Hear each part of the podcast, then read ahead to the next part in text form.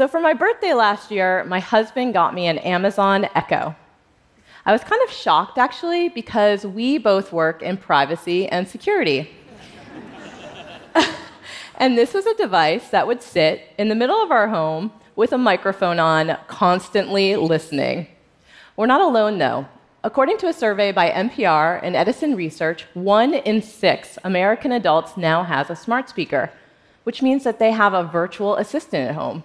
Like, that's wild. The future, or the future dystopia, is getting here fast.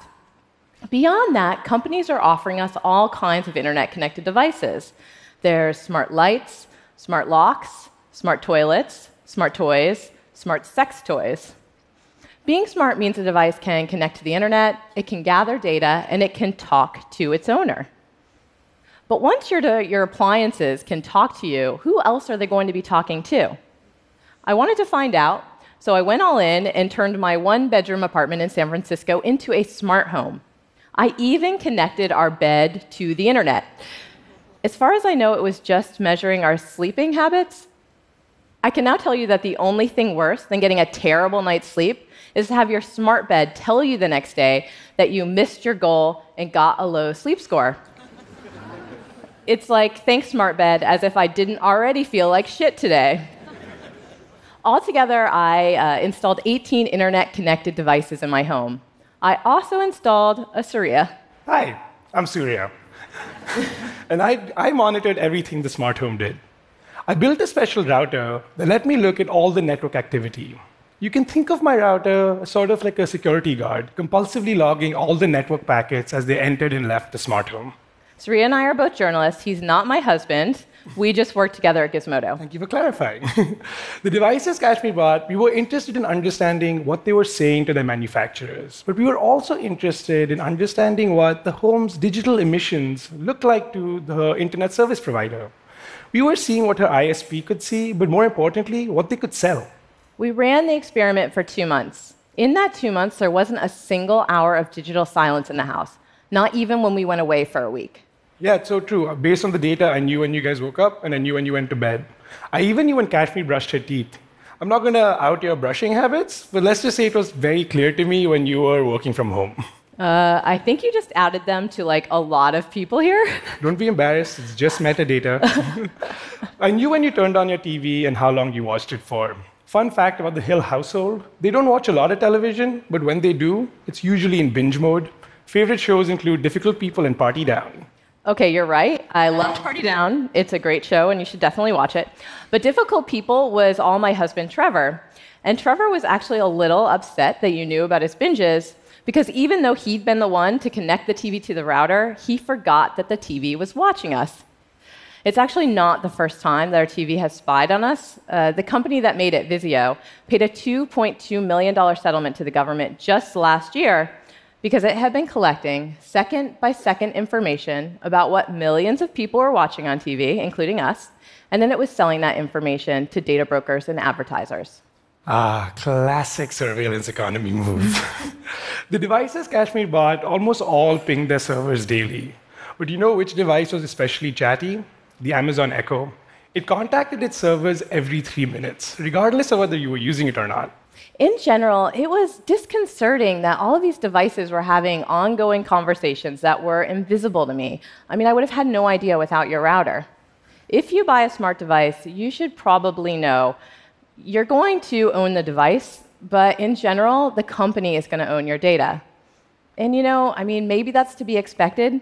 You buy an internet connected device, it's going to use the internet. But it's strange to have these devices moving into the intimate space that is the home and allowing companies to track our really basic behavior there. So true. Even the most banal seeming data can be mined by the surveillance economy. For example, who cares how often you brush your teeth? Well, as it turns out, there's a dental insurance company called Beam. They've been monitoring their customers' smart toothbrushes since 2015 for discounts on their premiums, of course. We know what some of you are thinking. This is the contract of the modern world. You give up a little privacy and you get some convenience or some price breaks in return. But that wasn't my experience in my smart home. It wasn't convenient, it was infuriating. Like, I'll admit, I love my smart vacuum, But many other things in the house drove me insane. Like, we ran out of electrical outlets, and I had to download over a dozen apps to my phone to control everything. And then every device had its own login. You know, my toothbrush had a password. and smart coffee especially was just a world of hell. Wait, really? Cloud powered coffee wasn't, wasn't really working for you? I mean, maybe I'm naive, but I thought it was going to be great. Like, I thought we'd just wake up in the morning and we'd say, Alexa, make us coffee. But that's not how it went down.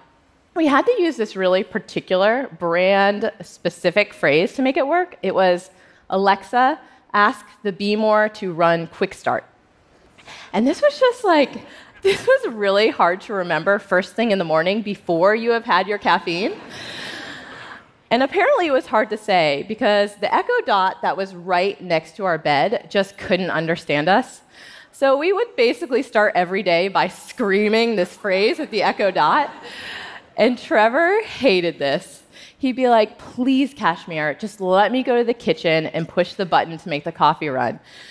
And I'd be like, no, you can't. We have to do it the smart way. I'm happy to report that our marriage survived the experiment, but just barely. If you decide to make your home smart, hopefully you'll find it less infuriating than Kashmir did. But regardless, the smart things you buy can and probably are used to target and profile you. Just the number of devices you have can be used to predict how rich or poor you are. Facebook's made this tech and they've also patented it. All the anxiety that you currently feel every time you go online about being tracked is about to move into your living room or into your bedroom. There's this sex toy called the We-Vibe. You might wonder why a sex toy connects to the internet, but it's for two people who are in a long distance relationship so they can share their, their love from afar.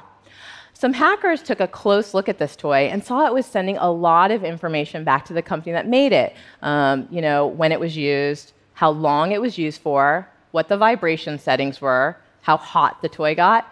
It was all going into a database.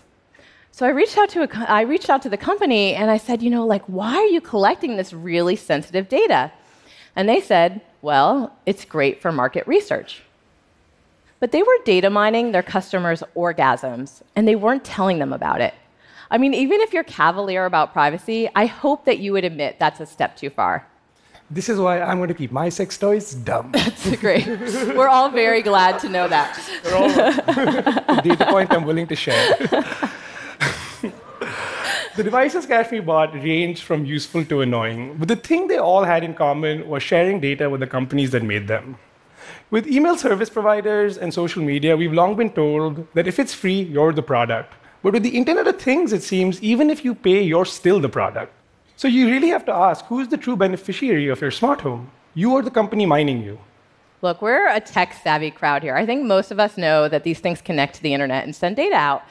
And fine, maybe you're okay with living in that commercial panopticon, but others aren't. We need companies to rethink the design of these devices with our privacy in mind. Because we're not all willing to participate in market research just because a device we bought has a Wi Fi connection. And I have to tell you, even when you're aware generally this is happening, it's really easy to forget that normal household items are spying on you. It's easy to forget these things are watching you because they don't look like cameras. They could look like, well, they could look like a dildo. Thank you.